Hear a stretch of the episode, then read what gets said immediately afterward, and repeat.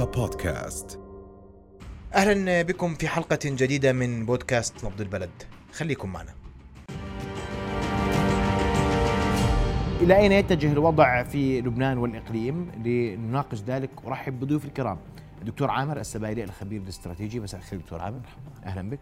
وأيضا أرحب بتشارل جبور الناطق الإعلامي باسم القوات اللبنانية مباشرة معنا من لبنان. مساء الخير أستاذ تشارل واهلا أهلا بك في نبض البلد. أبدأ منك أستاذ تشارل والسؤال كيف هو الوضع في لبنان اليوم؟ وبرأيك من يتحمل مسؤولية ما يحدث؟ الوضع الميداني استتب بعد الحوادث الأليمة التي وقعت في 14 حالي. من يتحمل المسؤولية؟ بالتأكيد يعني الطرف الذي أعلن مرارا وتكرارا وجهارا منذ أربعة أشهر إلى اليوم أنه يريد إسقاط العدالة. سيدي ما حصل في 14 جاري. لم يحصل بالصدفة وهو ليس معزولا عن سياق سياسي لأنه لا يوجد بالعالم أحداث أمنية من دون سياق سياسي. هناك سياق سياسي تحريضي قام به حزب الله علنا منذ أربعة أشهر إلى اليوم. تحت عنوان إسقاط العدالة في انفجار مرفأ بيروت. هذه هي القصة. السيد حسن نصر الله في ستة خطابات تحدث عن الموضوع لأكثر من نصف ساعة مهددا ومتوعدا القاضي بطار. وعندما رأى السيد نصر الله أن القاضي بطار لم يتنحى وأن السلطة السياسية لم تتجاوب معه أوفد مسؤوله الأمني وفيق صفا إلى قصر العدل فهدد القاضي بطار بالقبع. وعندما رأى أيضا أن الأمر لم يتم التجاوب معه هدد مجلس الوزراء بالتعطيل وعطله. وعندما رأى أن نتيجة كل هذه التهديدات لم يتمكن من تحقيق غرضه ذهب طلب من أنصاره ومن جماعته النزول إلى الشارع والتعدي على الناس. هذا ما حصل وهذا ما أدى إلى الإشكال. العنوان الأساس إسقاط العدالة في لبنان. هذا ما يريده حزب الله. طيب أسمع رأيك دكتور عامر بما حدث في لبنان وهل هو محاولة إسقاط عدالة أم أن هناك مشكلة حقيقية في التحقيق بمرفأ بيروت أم أن الأزمة السياسية الاقتصادية الاجتماعية في لبنان تنعكس على كل ما سبق؟ يعني هو حتى نتفق لبنان هو يعيش في أزمة. الآن تأخذ أشكال متعددة إن كان مرفأ بيروت العدالة ال ال كل الأمور الداخلية اليوم في لبنان هي مشكلة. وبالتالي لا نستطيع فقط أن نذهب إلى التفاصيل الحديث عن هذه الحادثة فقط. هذه حادثة من حوادث. قد نشهد حوادث قادمة مستقبلا وفي الأيام القادمة لأنه نتحدث عن خلاف أساسي جوهري في النقطة الأساسية في لبنان. لم يتم حله ولم يتم التعاطي معه وبالتالي لبنان أيضا نعلم تماما أن الأزمة خارج لبنان هي أحد أكبر الأزمات التي يتأثر فيها لبنان. وبالتالي عندما نتحدث عن إقليم يدخل دائما في مراحل صراع أو في ملفات تسوية لابد من ظهور هذه الأزمات في لبنان، إذا نحن لا نتحدث عن حادثة واحدة فقط، نتحدث عن تداعيات لأزمة أساسية، الأزمة اللبنانية أزمة كبيرة ومعمقة، الأزمة اللبنانية أساسها اليوم هي ما بعد الحرب ومشروع آه يعني لم لم ينجح لبنان من خلاله في بناء هوية وطنية وبالتالي انتهينا اليوم لنصبح في حالة من التجاذبات وحالة من التقسيم السيكولوجي. لابد لاي حدث صغير أم كبير أن يتحول في النهاية إلى هذا النزاع وأن يأخذ هذا الشكل. وبالتالي أعتقد أننا نتحدث عن نقاط خطيرة يمكن أننا ندخل في نفق لا يمكن العودة منه إلا فعليا بجلوس جميع الأطراف ضمن مشروع لبناني حقيقي وطني متخلين عن فكرة الانقسامات الطائفية والاختلافات لنقل السياسية الجذرية لكن أعتقد أن هذا في هذه المرحلة ضرب من ضروب الأحلام. نحن اليوم نتجه إلى حالة أكبر إلى حالة صدام أو أن يفرض فريق وجهة نظره على الفريق الآخر، لهذا للأسف اليوم تقسيم سيكولوجي ولا ايديولوجي في لبنان؟ التقسيم السيكولوجي هو في النهاية يستخدم أداة أداة ايديولوجيه، لكن هو فعليا يشعر الجميع أنه لبناني لكنه لا ينتمي إلى نفس المدرسة أو نفس الرؤية أو نفس شكل الإدارة، وبالتالي مضطرين للتعايش، لكن هذا يعني في النهاية أن كل طرف يحاول أن يفرض رؤيته، وهذا أعتقد في النهاية سيصل الأمر يعني في النهاية إلى نقطة الصدام لأن هذه هي في الأغلب في التشخيص هي عبارة عن آه، حروب أهلية مع وقف التنفيذ. يعني هي تنتظر دائما حدث بسيط يكون كالشرارة التي تطلق يعني هذه الأزمات. وبالتالي شهدنا في السنوات الماضية كلها هناك خلاف على كل شيء في لبنان على الإدارة الداخلية على المشاريع الداخلية على الرؤية على آه، الاتجاهات السياسية. وبالتالي تشكيل الحكومة معضلة آه، إدارة الدولة معضلة. وبالتالي أيضا انتقلنا إلى فكرة الأزمة الحقيقية التي يعيشها لبنان. عندما نتحدث عن أزمة الحاجات الأساسية والأزمة المعيشية والأزمة الاقتصادية التي تطال الجميع دون استثناء. وبالتالي هذه نقطة المسؤولية تطال كل القوى اللبنانية؟ الجميع دون استثناء مع مع اختلاف الأمور طبعا لأننا في النهاية يعني هناك هناك من يرغب في فرض رؤيته على على الطرف الآخر وهناك من يعتقد أنه غير مضطر أن يتقبل هذه الرؤية، لكن هناك تعلم أنت في النهاية في السياسة بس مثلا إحنا معانا حزب يعني القوات اللبنانية تقول من يتحمل المسؤولية؟ هو حزب الله. يعني من حقها وحزب الله وحده من حقها أن تقول وحزب الله في نفس الوقت يقول العكس. يعني نحن نتحدث حتى لا ندخل في هذه المشاحنات. من يتهم من؟ أنا أعتقد أن التعايش في هذه الحالة مستحيل. التعايش السياسي ضمن هذه التركيبة أصبح يعني ضرب من ضروب آه، المستحيل. لهذا لنعود إلى النقطة الأساسية. هل هناك اليوم مشروع لبناني وطني حقيقي يجلس الجميع عليه ويتفق عليه أن الأولوية للبنانيين الأولوية لحياة اللبنانيين لنعيد الأمور إلى نصابها في لبنان لننتقل لنقدم كل التنازلات أعتقد أنه ليس هناك أي طرف يقبل اليوم بتقديم تنازلات وبالتالي طيب. نحن نسير أمام النقطة الخطيرة لأن النقطة الخطيرة اليوم هي فكرة البحث عن وجود كينونات مستقلة سياسيا تأخذ برأيها وبرؤيتها ضمن طائفتها وبالتالي يعني هي تعبر عن عن رؤية فريق يرى أن هذا هو التوجه السياسي المطلوب. طيب أستاذ تشارل أسمع وجهة نظرك في هذا الأمر والحديث اليوم أن لبنان لا يملك هوية، لبنان لا يملك مشروعا، لبنان قد يصبح مقسما. أو هو حرب أهلية تنتظر لبنان لكن متى آه، متى وأين وكيف شكلها؟ هذا هو فقط ما ننتظره. رأيك؟ آه، أنا اولا آه، أحيي الدكتور عامر على تشخيصه وتوصيفه الدقيق لواقع الحال في لبنان. وهذا فعلا ما نحن عليه.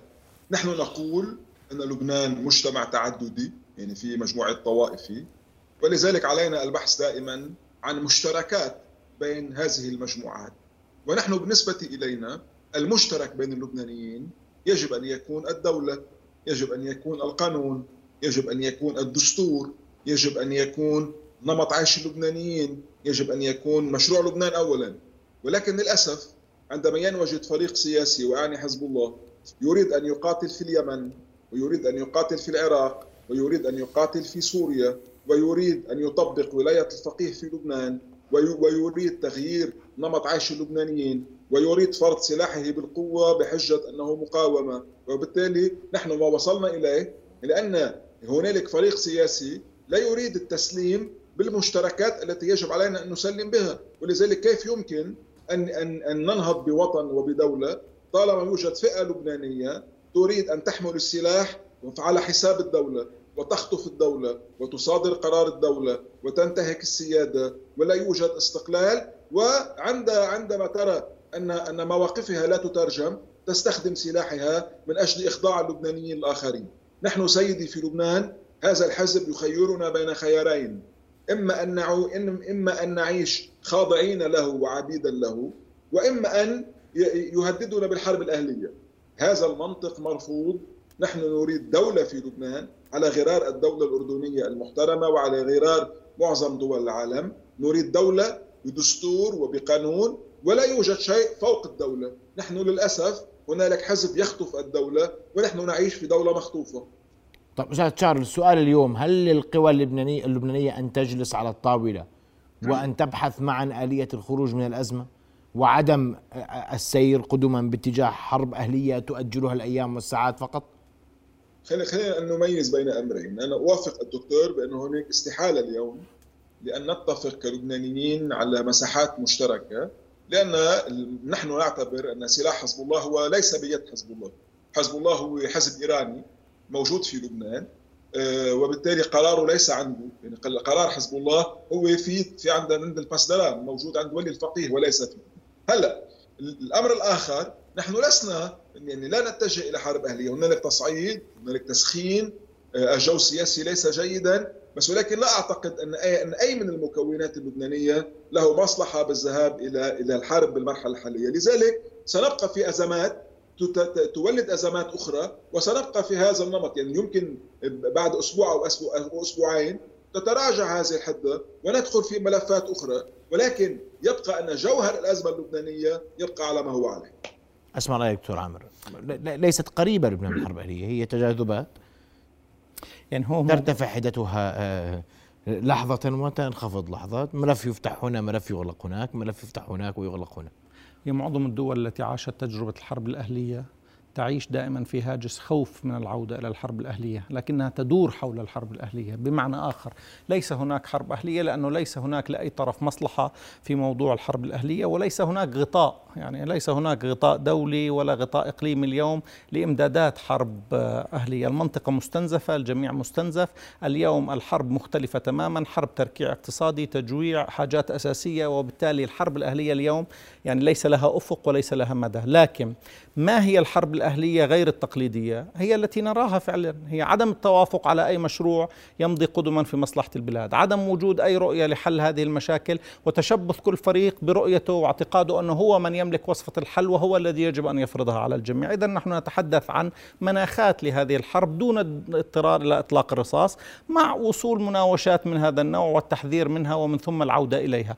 لهذا أعتقد أن فكرة البلطجة السياسية ستبقى حاضرة في مثل هذه المشاهد في محاولة فرض الرؤية ومحاولة إيقاع أو أو آه، تصعيد لنقل في المشهد لكن هو فعليا ليس لأي طرف اليوم رغبة أو قدرة أو حتى أفق آه، اليوم لقيام بحرب أهلية على الأقل متوسطة المدى. يعني آه، هي عبارة عن إطلاق رصاصات لا أكثر.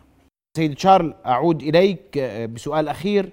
وإلى أين تقرأ المشهد اليوم؟ إلى أين يتجه المشهد في لبنان اليوم؟ مزيد من التأزيم؟ أم أن هناك بصيص أمل في الأفق؟ أه لا أعتقد صراحة أنه هناك يعني هناك مصلحة أه للحزب الذي افتعل هذه المسألة بالذهاب بعيدا لأن بالنهاية المطاف الوضع اللبناني متعلق بظروف وبأوضاع خارجية إقليمية.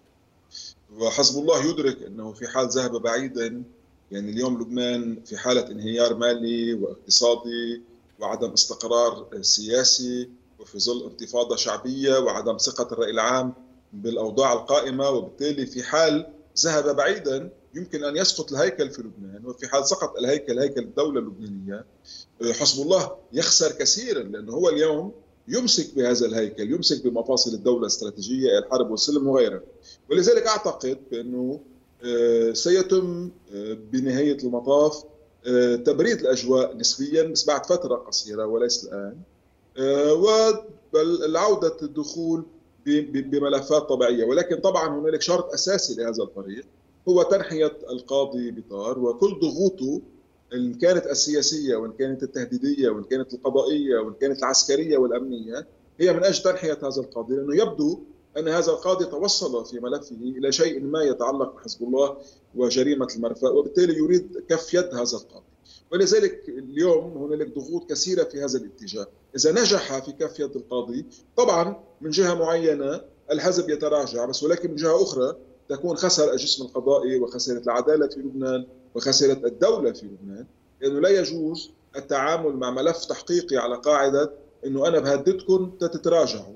على غرار ما فعل أيضا بموضوع المحكمة الدولية. يعتبر المحكمة الدولية التي التي التي أنشئت من أجل النظر في اغتيال الشهيد رفيق الحريري. أعتبر بأن هذه هذه المحكمة هي إسرائيلية وأمريكية وإلى ما هنالك. واليوم أيضا يعتبر هذا القاضي ويعتبر الجسم القضائي في لبنان أنه صهيوني وإمبريالي لأنه يريد أن يحكم لمصلحته. وللأسف نحن نعيش تحت سياسة أمر الواقع وتحت سياسة ترهيب السلاح. طيب أشكرك كل الشكر الأستاذ تشارل جبور الناطق الاعلامي باسم القوات اللبنانية. شكرا جزيلا. مباشرة السلام. معنا من لبنان شكرا لك. آه، آه، اعود لك دكتور عامر وبدي أسمع رأيك ما ذكر أخيرا. الوضع سيبقى كما هو. هو ولبنان يعني لا مستقبل مشرق لبنان اليوم. يعني اولا آه، اللبناني اليوم يدرك تماما أن أزمته الداخلية مرتبطة بالوضع الخارجي وبالتالي عدم وجود أفق لحل سواء على مستوى الإقليم أو على المستوى الدولي. واضح أننا يعني نتحدث عن وضع لا يمكن تحريكه وبالتالي هذه الأزمة يمكن أن تستمر يمكن أن تتعمق للأسف يدفع ثمنها المواطن اللبناني نفسه.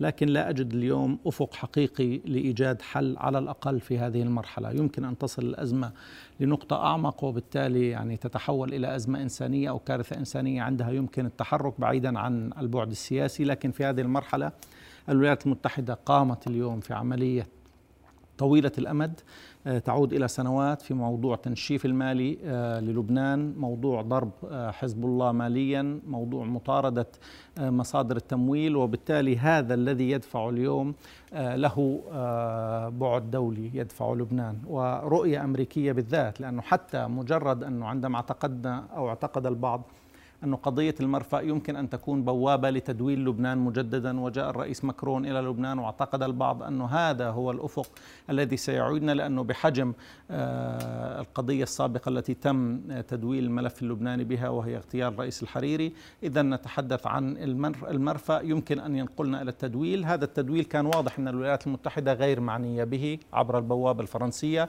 فلم تعطيه الأفق وبالتالي أعاد أبقت الأمور على ما هي عليه. إبقاء الأمور على ما هي عليه يعني استمرار فكرة الانهيار.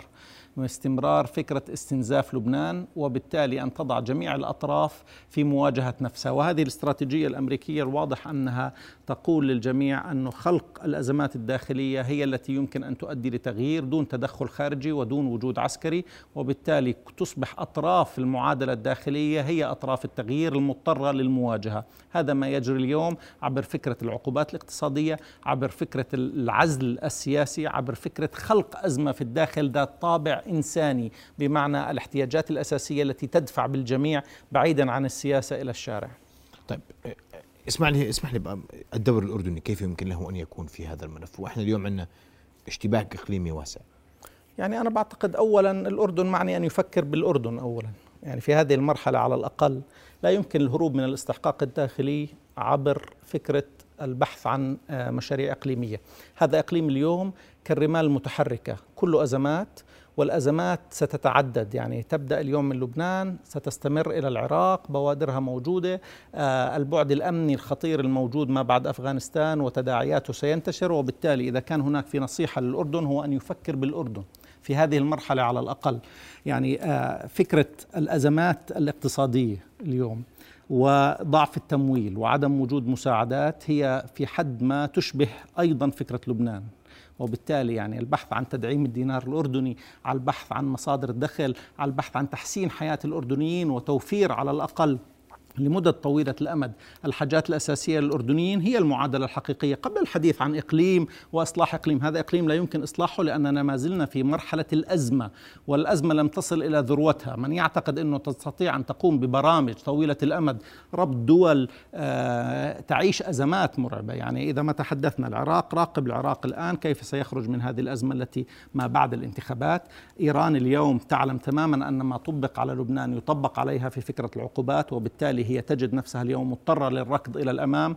أين يكون هذه المعادلة؟ إسرائيل تتحرك باتجاه إيران لأول مرة في نفس معادلة إيران. إيران جاءت على إسرائيل عبر غزة عبر لبنان عبر سوريا. هي تعود إسرائيل اليوم لتقول لإيران أنا سأعمل في نفس الطريقة من أذربيجان أو من المناطق الحدودية آه، وبالتالي خلق أزمات ذات طابع تنعكس على الداخل الإيراني، اذا هذه المنطقة اليوم ستدخل في مرحلة أزمات يرافقها على المستوى العالمي فكرة عودة الإرهاب، لأنه ما جرى في أفغانستان هي عبارة عن دعوة لجميع التنظيمات أن تقوم اليوم بدور لتحظى بشرعية أو بشرعية وجود أو لتحقيق مكتسبات. وبالتالي إذا نظرت إلى هذه المنطقة الحديث عن ربط هذه المنطقة أو مشاريع طويلة الأمد قد يكون سابق في هذه المرحلة الاستعداد لمواجهة التحديات الداخلية. التحديات الداخلية أساسها اليوم اقتصادي. إذا نحن نتحدث أن يكون البعد الأساسي في الرؤية الاستراتيجية هو المواطن الأردني أن يكون البعد الاقتصادي للأردن وتأمين الأردنيين باحتياجاتهم. حتى لا نصل إلى النقطة الأخطر لا قدر الله وهي فكرة دائما أن الحاجات الأساسية ونقصها هي أداة آه، الدفع بالناس للاحتجاجات. أنت اليوم السياسة غير قادرة على جلب ال ال الملايين إلى الشوارع لكن المعادلة الحاجات الأساسية والأوضاع الاقتصادية قادرة خصوصا أننا دخلنا اليوم في مرحلة ما بعد كورونا. اذا الأزمات الاقتصادية في مرحلة ما بعد كورونا ستبدأ بالظهور. بطالة آه، انهيار اقتصادي إحباط كل هذه الأمور يمكن أن تتزامن أيضا. لهذا أعتقد أنه داخليا نعم نحن لا نرغب بلبنان أن يكون في أزمة. نقدم كل ما نملكه في في, في لمنع أي كارثة إنسانية لكن حقيقة يجب التفكير التفكير أيضا اردنيا كيف نمنع أيضا وصول مثل هذه الأزمات أو شبه هذه الأزمات أيضا إلى الداخل الأردني؟ لما توصف المنطقة برمال متحركة ترى العراق اليوم بعد انتخابات أيضا في أزمة؟ طبعا. العراق هو أحد النقاط الأساسية اليوم للأزمة. يعني اليوم إيران تريد أن تر أن تعيد نفسها إلى طاولة المفاوضات مع الولايات المتحدة، هذه الإدارة الأمريكية إدارة اليوم غير معنية بكل هذه الملفات، يعني واضح تتحدث أنها تذهب إلى آسيا إلى بحر اليابان، كل الخطط تتحدث عن الصين، اذا أصبحنا عبء نحن على هذه الإدارة الأمريكية. هذه الإدارة الأمريكية اليوم آه، تطوع بالإيرانيين لأنه ما قامت به إدارة ترامب هو مكسب وبالتالي لن تتخلى عنه إدارة بايدن.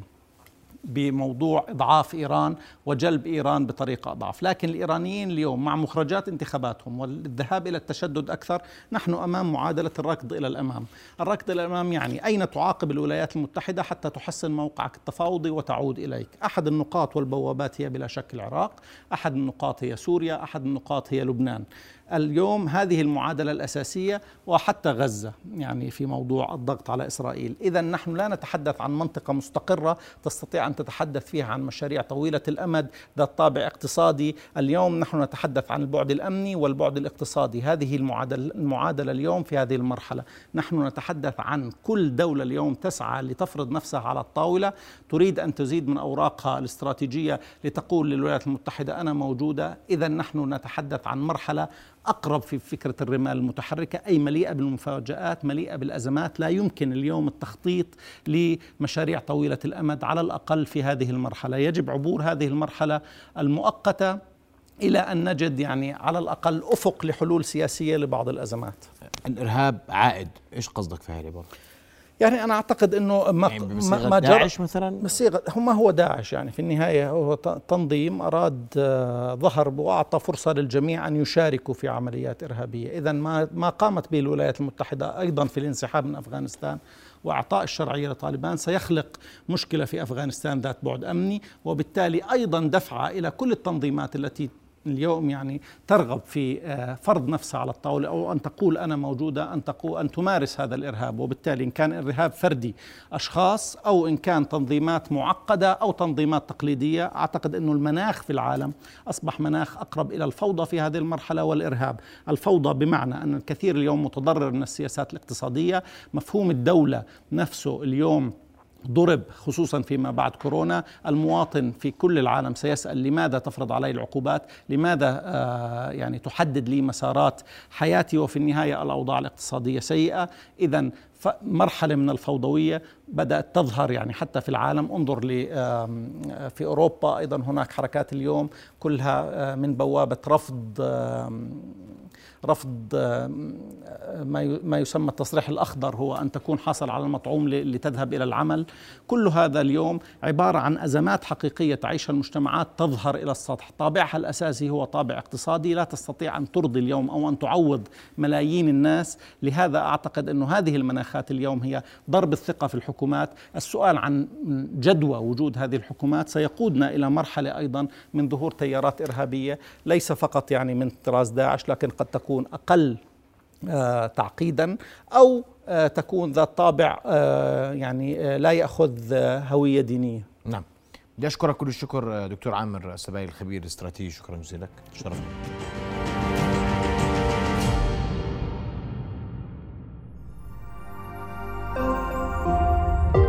رؤيا بودكاست